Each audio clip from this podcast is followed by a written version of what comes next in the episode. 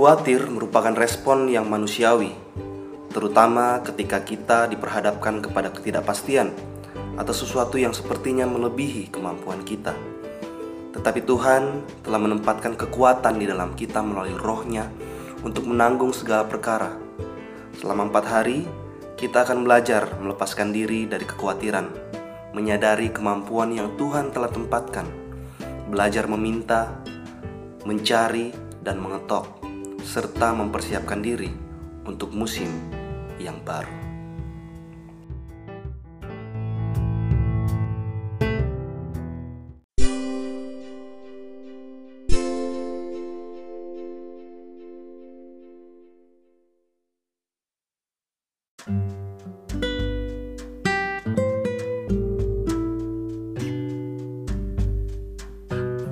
Oke, kita masuk di hari kedua dalam renungan menyambut musim yang baru.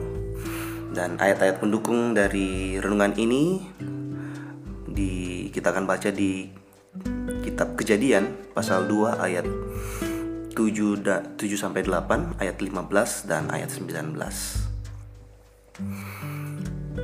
Kejadian 2 ayat 7 sampai 8 dikatakan di situ ketika itulah Tuhan Allah membentuk manusia itu dari debu tanah dan menghembuskan nafas hidupnya ke dalam hidungnya. Demikianlah manusia itu menjadi makhluk yang hidup.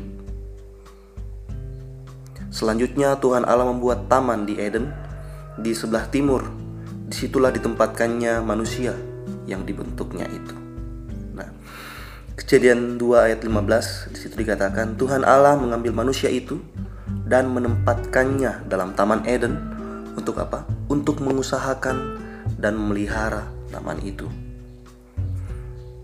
Ayat 19 sampai ya, ayat 19 di situ ditulis lalu Tuhan Allah membentuk dari tanah segala binatang, hutan dan segala burung di udara.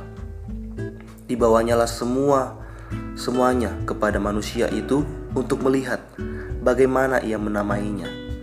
Dan seperti nama yang diberikan manusia itu kepada tiap-tiap makhluk yang hidup, demikianlah nanti nama makhluk itu. Dan di Yakobus 1 ayat 2 sampai ayatnya yang keempat di situ dikatakan, "Saudara-saudaraku, anggaplah sebagai suatu kebahagiaan apabila kamu jatuh ke dalam berbagai-bagai pencobaan. Sebab kamu tahu bahwa ujian terhadap imanmu itu menghasilkan ketekunan, dan biarlah ketekunan itu memperoleh buah yang matang." Supaya kamu menjadi sempurna dan utuh dan tak kekurangan suatu apa pun. Kita masuk ke dalam renungannya yang berjudul Dunamis. Yang kita baca kemarin ada tiga hal yang Tuhan berikan kepada kita. Yang pertama adalah dunamis. Senjata pertama kita adalah dunamis. Nah, kita tahu Adam diciptakan serupa dan segambar dengan Tuhan karena kita baca Alkitab, ya kan? Tapi bagaimana kira-kira Adam mengerti kalau dia diciptakan serupa dan segambar dengan Tuhan? Nah, Tuhan membuat taman di Eden dan menempatkan Adam di sana. Dan Tuhan itu sempurna, Tuhan itu indah dan unggul.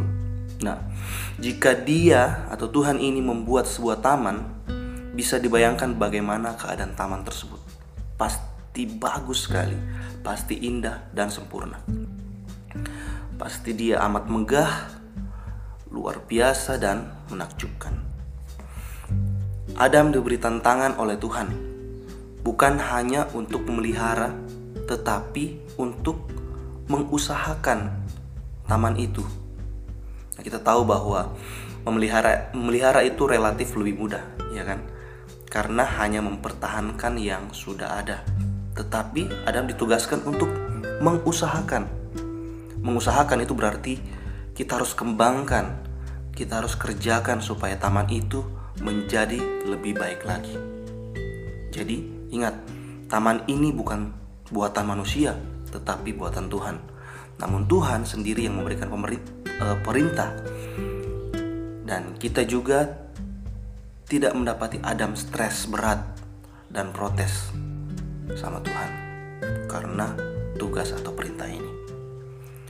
Tuhan tidak mungkin memberikan perintah kalau Tuhan tidak dapat melakukannya. dan kalau Tuhan belum memperlengkapi kita lebih dahulu. Saya ulangi, Tuhan tidak mungkin memberikan perintah kalau Tuhan tahu kita tidak dapat melakukannya, dan kalau Tuhan belum memperlengkapi kita lebih dahulu. Apa saja yang Tuhan berikan, kita mampu membuatnya lebih baik lagi, karena kita ini apa? Kita ini diciptakan serupa dan segambar dengan Tuhan. Contohnya, suatu perusahaan yang eh, perusahaan yang memproduksi handphone mengeluarkan model terbaru, mereka akan selalu bilang itu produk terbaik mereka. Betul nggak? Tapi kenyataannya tahun berikutnya mereka membuat lagi produk yang lebih canggih. Nah, apakah mereka bermaksud menipu? Ya, sama sekali tidak.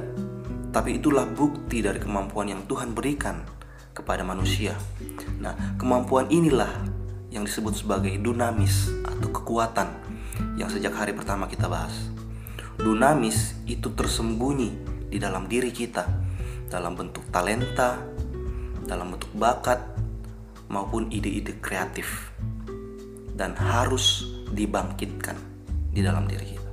Jadi, jangan takut ataupun marah saat menghadapi masalah. Sebab masalah itu bisa membuat kita mengenal kemampuan yang Tuhan sudah berikan kepada kita. Tetapi juga jangan cari-cari masalah Nah, hanya orang-orang yang pikirannya sudah diperbarui yang bisa menganggap jatuh ke dalam masalah atau jatuh dalam berbagai baik pencobaan itu merupakan suatu kebahagiaan. Hanya orang yang sudah diperbarui pikirannya yang bisa mikir seperti itu. Karena mereka melihatnya dengan kacamata yang berbeda, dari perspektif yang berbeda, sudut pandang yang berbeda. Mereka menganggap di sebalik setiap permasalahan selalu ada upah yang menanti. Upah itu apa? Upahnya itu adalah akan membuat kita menjadi sempurna, menjadi utuh, dan tidak kekurangan suatu apa pun. Dr. Miles Monroe pernah berkata, "Orang miskin itu selalu mendiskusikan uang, dan orang kaya itu selalu mendiskusikan barang." Sedangkan orang makmur itu selalu mendiskusikan ide. Nah, hari-hari ini begitu banyak masalah yang sedang mengepung manusia. Bagaimana kita mau melihatnya? Dengan takut dan gentar atau mau melihat ke dalam ke dalam diri kita untuk membangkitkan dunamis yang Tuhan sudah letakkan? Pilihannya ada pada kita masing-masing. Mari kita berdoa. Bapa kami yang ada di sorga, terima kasih karena Engkau selalu dekat dengan kami. Kau menyertai kami ke mana pun kami berada. Kami percaya rohmu menolong, menghibur, dan menguatkan kami.